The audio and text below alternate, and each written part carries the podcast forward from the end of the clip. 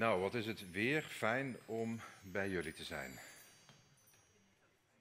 Er zit zo'n ritme van een jaar in. Het is steeds rond dezelfde tijd. Ik ben een keer op Valentijnsdag geweest met carnaval. Ik kom hier op de beste momenten. Ik reed eh, vanochtend, uh, het is voor mij één lang stuk. Ik kom uit Wiegen en dan rijd ik de A15 af. Het begon met zon, prachtig. Toen kwam ik eh, dicht bij Rotterdam in een hevige stortbui. Ik denk, oh, het wordt er zo heen. Maar toen ik uh, Vlaardingen naderde, ja, toen brak de hemel weer open. Dus um, zo, uh, zo, mag het zijn vanochtend. Fijn, fijn om bij jullie te zijn. En ik ga vanochtend met jullie kijken naar twee, twee stukken in de Bijbel die ons bemoedigen en uitdagen tegelijkertijd. Die als we ze gaan lezen en op ons laten inwerken, ja, je kunt er bijna bij denken van moet ik nou cynisch worden of moet ik nou gelukkig worden? Twee van die teksten die die spanning oproepen, zoals de Bijbel dat elke keer maar weer doet. Dat wonderbaarlijke boek dat voortdurend mysterievol spanning oproept en ons uitnodigt om in die spanning te komen. Omdat het een spannend boek is en ons leven vaak ook spannend is. Toen ik een jaar geleden hier was, had ik zelf totaal niet kunnen bevroeden en eigenlijk bijna niemand dat een paar weken later echt zou gebeuren, waarvan we tientallen jaren tegen elkaar zeiden dat zal nooit meer gebeuren oorlog. Maar het gebeurde wel. En um, ik heb een paar weken thuis, ook samen met mijn vrouw, als een zombie rondgelopen. En op mijn werk was het ook zo dat als ik achter mijn bureau zat en iemand kwam naar me toe en vroeg hoe gaat het, dan, dan, dan begon ik gewoon spontaan te huilen. Ik, ik kon er niet bij wat er gebeurde. Zo afschuwelijk. En zo dichtbij. Je moet je voorstellen als je misschien in de zomer naar Portugal gaat, misschien doet iemand dat wel, dat is net zo dichtbij als wat er in Oekraïne gebeurt. Of net zo ver weg. En ik had een paar weken daarna een gesprek met, uh, met een krant, met de trouw, en, en die vroegen me, hoe, maar hoe, hoe ga je daar dan mee om? En toen zei ik, nou, er was een moment dat mijn vrouw en ik een hapje wilden gaan eten. Eh, op een, op een dinsdag, ik zei van, goh, we moeten gaan eten. En, en we zeiden het hebben we er eigenlijk wel zin in? Hebben we er wel zin in, als we dit allemaal zien gebeuren, om dan samen te gaan zitten eten? Maar iets in mij zei, ja, we moeten gaan eten. En s'avonds gingen we een hapje eten en we hadden een hele fijne avond. En ik realiseerde me toen dat niet gaan eten, niet met z'n tweeën doen wat ook belangrijk is, bij elkaar zijn. Dat is het kwaad gelijk geven. Dat is het kwaad al laten winnen. En uh, daartoe ben ik niet bereid. Ik ben er niet bereid toe om het kwaad te laten winnen, ook al vecht het me soms aan. En nu een jaar later, de oorlog is nog steeds uh, gaande. Hè? We hebben het niet met elkaar uh, weten te stoppen. U niet, ik niet. Het gaat nog steeds door. En, en een paar weken geleden had ik mijn moeder aan de telefoon via FaceTime en, en ze was ondaan. Ik zeg, maar wat is er toch? Ze zei, ja, ik heb al een, een, paar nachten niet goed geslapen en, en, en dat vind ik zo vreselijk. En, en ze was er emotioneel bij. Ik zeg, maar wat, wat heb je dan, waarom kun je zo slecht slapen? Ja, zei ze, ik heb, ik zit, aan een week zit ik al naar de televisie te kijken en dan zie ik alles wat er gebeurt rondom die aardbeving in Turkije. En het is zo heftig wat ik allemaal zie. Nou, toen gaf ik in ieder geval een zoon moederadvies. Ik zei, maar er zit een knop op je afstandsbediening. En, en het is goed natuurlijk om te weten wat er in de wereld om je heen gebeurt. We leven niet in een, in een isolement. Als je in Vlaardingen leeft, woon je dicht tegen Schiedam aan. Je, je, je bent met elkaar verbonden. Wat er hier gebeurt, gebeurt er daar. En, en en natuurlijk leef je niet in een isolement en wil je weten wat er om je heen gebeurt. Maar soms moet je de knop ook even uitzetten om weer ook bij jezelf te komen en te weten wat er belangrijk is. En terwijl dat zo gebeurde, die afschuwelijke aardbeving ook in, in, in Turkije, en, en wie, wie van jullie vraagt zich dan niet af, waarom gebeurt dit nou allemaal? Waarom is dit nodig? Waarom is dit nodig? En het was precies in die tijd dat ik, nu moet ik op het goede knopje drukken naar beneden. Ja, naar beneden. Het was precies in die tijd dat ik door mijn, op mijn reis door het, ehm, door het Oude Testament, dus ik ben er echt een enorme reis van aan het maken, dat is zo mooi. En, en ik was bij Prediker. Ik was aan het lezen in Prediker en, en Prediker wordt uh, gerekend tot, tot de wijsheidsboeken in, in, in de Bijbel. En die wijsheidsboeken die willen ons iets aanreiken over hoe moeten we het leven proberen te begrijpen. Want net zoals u en ik, eh, wij samen proberen soms het leven te begrijpen, toch? Waarom gebeuren de dingen zoals ze gebeuren? En dat deed Prediker ook. Prediker die, die probeerde te begrijpen, die probeerde te duiden, die probeerde te zien waarom gebeuren de dingen die gebeuren. En in die tijd waren er ook oorlogen, aardbevingen, volkeren die elkaar niet konden luchten of zien, families die ruzies met elkaar hadden, schoonvaders die hun schoondochters niet meer leuk vonden. Alles, alles gebeurde. Een prediker die, die komt dan met die tekst die we allemaal zo goed kennen, die ook is geworden tot een hoogtepunt in de wereldliteratuur. Die zinnen die mij ook zo diep troffen in mijn hart toen ik ze opnieuw las en ik ga ze aan u lezen. Want prediker die zegt dan in zijn wijsheid, voor alles wat er gebeurt is er een uur. Een tijd voor alles onder de hemel. Er is een tijd om geboren te worden. Er is een tijd om te sterven. Een tijd om te planten en een tijd om te rooien. Er is een tijd om te doden en een tijd om te helen. Een tijd om af te breken en een tijd om op te bouwen. Er is een tijd om te huilen en er is een tijd om te lachen. Een tijd om te rouwen en een tijd om te dansen. Er is een tijd om te beminnen en er is een tijd om zich te onthouden. Een tijd om te omhelzen en een tijd om er van af te zien. Er is een tijd om te zoeken en een tijd om te verliezen. Een tijd om te bewaren en een tijd om weg te gooien. Er is een tijd om te scheuren en een tijd om te herstellen. Een tijd om te zwijgen en een tijd om te spreken. Er is een tijd om lief te hebben en een tijd om te haten. Er is een tijd voor oorlog en er is een tijd voor vrede. En ik las dat en ik dacht, wauw. Dit boek is zo 2500 jaar oud, deze tekst van Prediker. 2500 jaar en er is niets nieuws onder de zon. Wat Prediker dan verder ook zegt, er is niets nieuws onder de zon. Toen niet en nu niet. En het was precies ook nog in deze periode dat er in de afgelopen weken van alles gebeurt. Een dierbare die overlijdt. Mensen die door ziekte worden getroffen op mijn werk. Een aantal dingen die niet lopen zoals ik dat bedacht. En ik dacht, ja, moet ik daar nou cynisch van worden? Is deze tekst van prediker ook een tekst om cynisch van te worden? Want als het dan toch altijd zo doorgaat, tja, wat hebben we dan aan het geloof? Wat, zullen we dan? Kunnen we die zondagse kerk dan ook niet gewoon skippen en gewoon thuis gaan zitten op de bank en zeggen, ja, het leven is nou eenmaal uh, shit.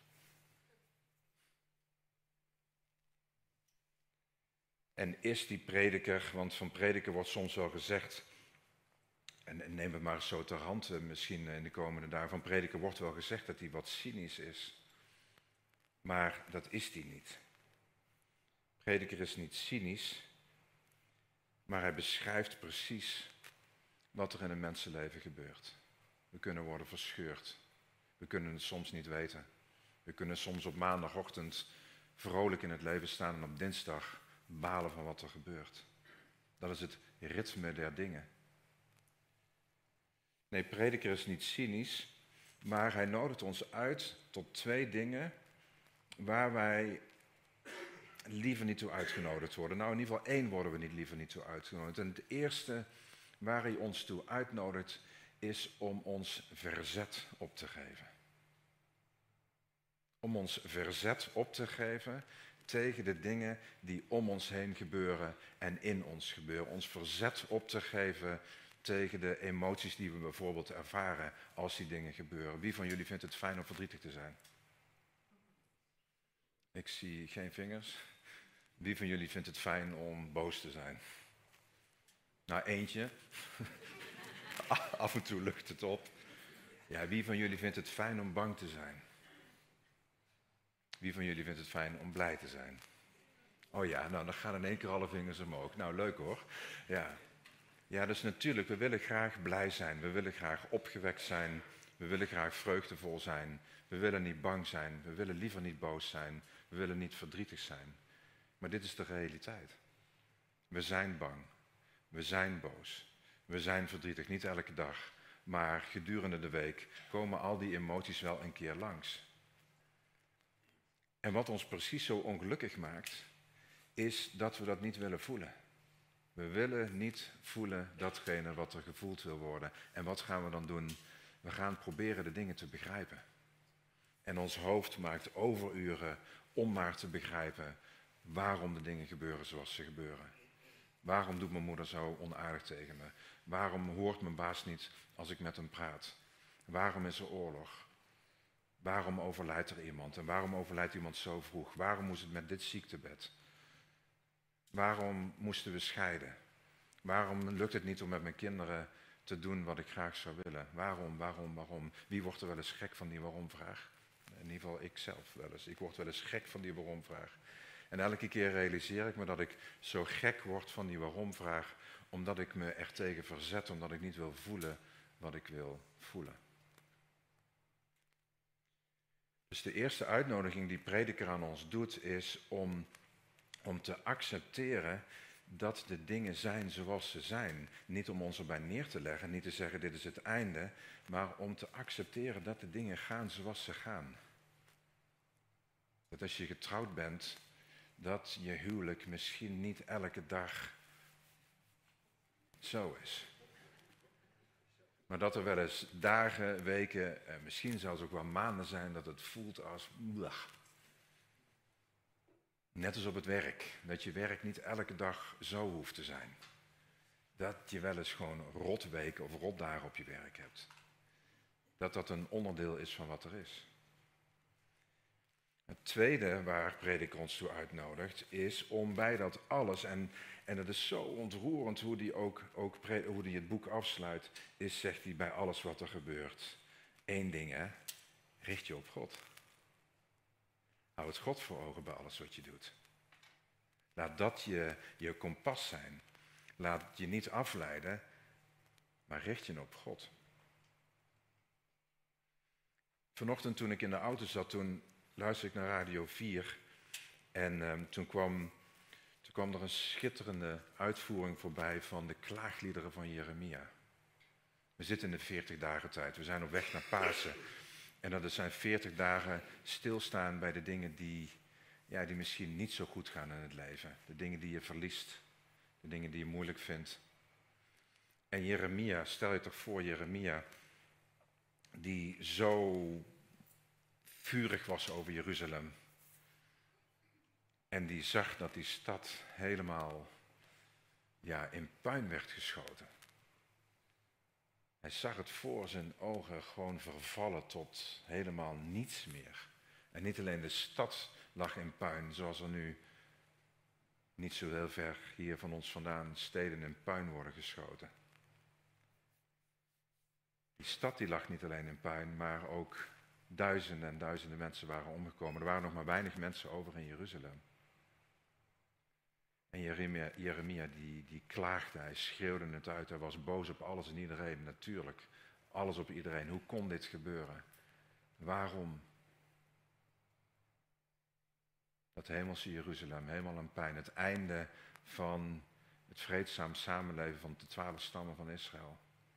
Is dan alles voor niets geweest? En dan ergens in die diepte zegt Jeremia, maar God is altijd gebleven. En dat zegt hij tegen die paar mensen met wie hij dan nog is. In ieder geval zijn wij samen en kijk eens hoe God in ieder geval nog met ons is. Hij moest het ergens heel dichtbij zoeken. Het is er nog en daar houd ik me aan vast. Als iets zo pijnlijk is in ons leven, dan moeten we het heel dicht bij huis gaan zoeken. En dat brengt me bij een ander verhaal wat ik graag met jullie wat op wil inzoomen.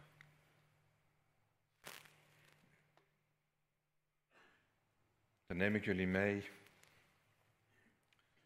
een paar honderd jaar later, na prediker, en dan zitten we ook in het evangelie van Lucas in de 40 dagen tijd. Vlak voordat we het verhaal gaan lezen over Martha en Maria in het huis van Lazarus. Martha en Maria, zegt de Bijbel, ja, Jezus was op weg naar Jeruzalem. Hij was zich aan het voorbereiden op de hemelvaart. Nou, en als je dat dan leest, wat betekent dat dan? Dat betekent dat hij zich aan het voorbereiden was op zijn lijden, sterven en opstaan. Dus in die context komt Jezus in het huis van Martha en Maria en er hangt dood in de lucht. De dood is eigenlijk alomtegenwoordig. Iedereen weet inmiddels, heeft in ieder geval gehoord, dat Jezus de weg moet gaan die hij moet gaan. Dat het de weg is van dat hij gedood zal worden en dat hij op zal staan. En we weten allemaal dat iedereen had het gehoord, maar niemand snapte het. Iedereen probeerde het te begrijpen. Soms tot de wanhoop van Jezus. Hij kon wanhopig worden van zijn beste vrienden. Hij kon wanhopig worden van zijn beste vrienden, die maar steeds opnieuw niet wilden geloven datgene wat hij zei. Ik zal opstaan uit de dood. En in die context, op weg naar Jeruzalem, de dood hangt in de lucht, het verdriet hangt in de lucht, de wanhoop hangt in de lucht, komt Jezus in het huis van Martha en Maria. Martha en Maria zijn twee zussen. Twee lieve zussen die veel van elkaar houden, zoals zussen van elkaar kunnen houden en elkaar af en toe kunnen haten. Dat is zo een beetje een beeld van Martha en Maria. Ze houden vreselijk veel van elkaar. Ze wonen ook bij elkaar en ze vitten op elkaar. Want eh, nou ja, je kent wel hoe dat gaat tussen zussen en zoals dat gaat tussen broers. En um, dan lezen we in uh, Lucas 10 eh, vanaf vers 38. Toen ze verder trokken, ging hij een dorp in waar hij gastvrij werd ontvangen door een vrouw die Martha heette. Haar zus, Maria, ging aan de voeten van de Heer zitten en luisterde naar zijn woorden. Maar Martha werd helemaal in beslag genomen door de zorg voor haar gasten. Ze ging naar Jezus toe en zei: Heer, kan het u niet schelen dat mijn zus mij al het werk alleen laat doen? Zeg tegen haar dat ze mij moet helpen. En de Heer zei tegen haar: Martha, Martha, je bent zo bezorgd en je maakt je druk over zoveel dingen. Er is maar één ding noodzakelijk. Maria heeft het juiste gekozen en dat zal haar niet worden ontnomen. Martha, Martha. Wie van jullie zegt dat niet ook eens zo wel eens tegen een van zijn kinderen of tegen zijn partner zo liefkozend de naam twee keer raden? Ach schat, ach schat toch. Ach meisje, meisje. Wie, wie zegt dat niet zo wel eens? Of ach jongen, jongen toch. Nou, geen vingers, ik zeg het wel eens. Schatje, schatje toch. Dat is overigens wat Jezus hier ook heel liefdevol doet. velen hebben zich gebogen over, is dit nou een, een strenge terechtwijzing van die Martha? Wordt Jezus nou boos op Martha? Maar nee, als in de Bijbel iemand twee keer bij zijn naam wordt geroepen, dan is het met ongelooflijk veel uitnodiging, aanmoediging en heel veel liefde. Met heel veel liefde, Martha, Martha. Dus Jezus roept Martha om dichterbij te komen. En hij zegt niet, je moet niet voor mij zorgen. Hij zegt niet, het is slecht om te zorgen. Maar hij zegt in al dat zorgen is het van belang dat je steeds zicht houdt op datgene wat echt belangrijk is. Ik moet denken daarin ook aan, aan die vele verjaardagen die ik zelf meemaakte. Misschien kent u dat ook wel, dat je ofwel zelf een verjaardag geeft en, en je huis zit vol met gasten. En je loopt jezelf werkelijk waar helemaal, uh, ja wat, uh, het vuur onder je sloffen. En je bent die nog een biertje aan het geven en daar ben je vergeten dat er nog een stuk taart moest komen. De koffie die moet nog gezet worden. Ondertussen heb je hapjes in de oven gezet en, en en aan het einde van de avond is iedereen weg. De hele keuken staat echt helemaal vol met afwas. En dan kijk je elkaar aan en dan zeg je, ja, ja, het was wel gezellig, maar ik heb met niemand echt een gesprek gevoerd. En, en misschien zeg je dan ook wel, volgend jaar wil ik dat anders. Volgend jaar gaan we dat echt anders doen, schat. En dan is het volgend jaar en het gaat weer precies hetzelfde. Je bent back off, je hebt voor iedereen lopen zorgen. Maar je bent ergens vergeten om in contact te komen. En, en daar heb je ook allerlei verklaringen voor. Want je wil een goede gastvrouw, een goede gastheer zijn. En je vindt het ook leuk om te zorgen. Maar je vindt het ook moeilijk misschien om te zeggen, het liefst zou ik af en toe gewoon even willen zitten. Rond een sterfbed merk je dat misschien ook wel. Dat je probeert om alles zo goed mogelijk te laten verlopen, om het, om het in de omstandigheden iets van aangenaam te laten zijn. Maar misschien ben je van binnen ook wel bang om naast iemand te gaan zitten die het leven gaat verlaten, omdat je niet zo goed weet wat je dan moet doen. Moet je dan wat zeggen? Moet je dan juist niks zeggen? Kun je iemands hand gewoon vasthouden? Moet je, ja, wat, wat moet je doen als je niet weet wat je moet doen? En dat kennen we zo goed. Dat als we niet weten wat we moeten doen, omdat we ons kwetsbaar voelen, omdat we bang zijn dat we niet goed genoeg zijn, dat we dan maar heel hard gaan werken, toch? Dat we dingen gaan organiseren. Dat we dingen gaan organiseren en dat we of we heel veel dingen doen, of heel hard gaan nadenken waarom gebeuren de dingen zoals ze gebeuren. Herman van Veen schreef daar een prachtig liedje over. Kent u dat?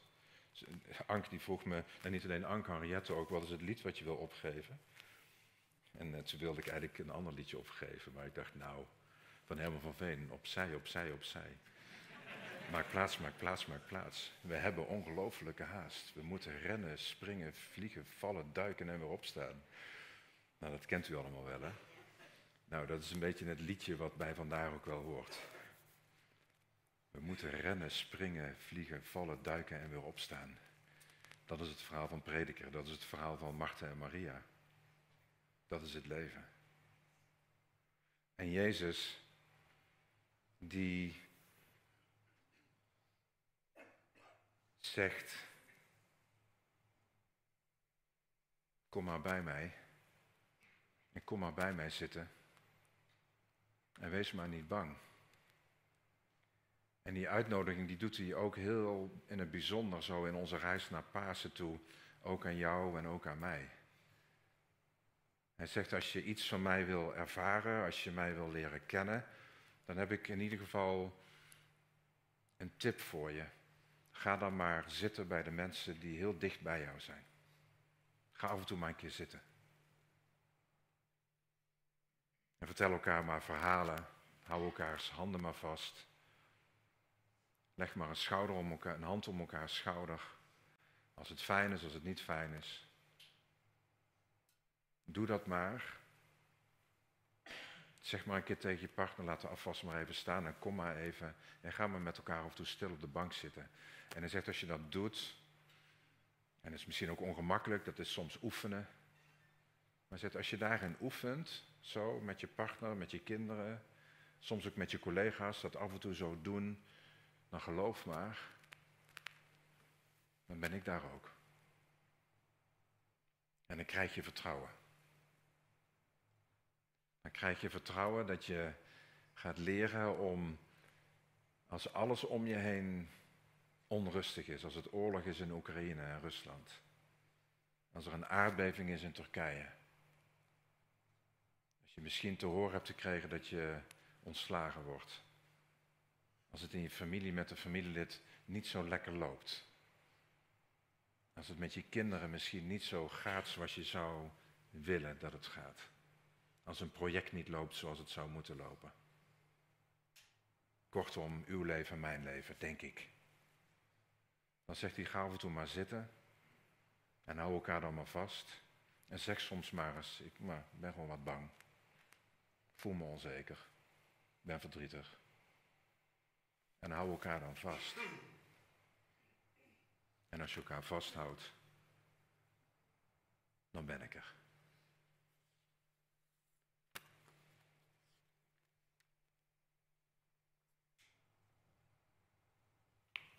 Erich Fried was een prachtige dichter. En hij schreef een mooi gedicht wat me gisteren zo inviel. Ik dacht, ja, dat, dat, dat laat op een wat wereldlijke manier ook iets zien van waar we nu met elkaar over spreken. En het gedicht, misschien kent u het wel, heet Het is wat het is. Het is onzin, zegt het verstand. Het is wat het is, zegt de liefde.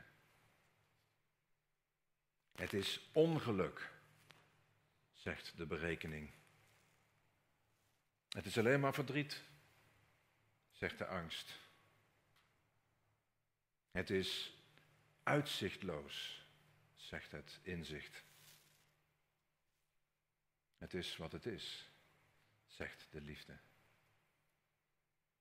Het is belachelijk, zegt de trots. Het is lichtzinnigheid, zegt de voorzichtigheid. Het is onmogelijk, zegt de ervaring. Het is wat het is, zegt de liefde. Prediker sluit zijn boek af met bij dit alles, alles wat er gebeurt, houdt u aan het belangrijkste gebod, God liefhebben en zijn geboden opvolgen.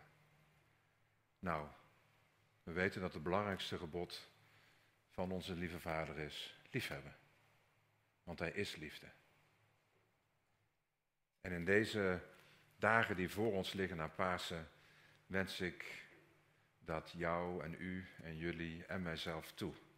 Dat we momenten mogen creëren waarin we naast elkaar op de bank zitten, op de stoel, elkaar in stilte aankijken en voelen dat Jezus erbij is.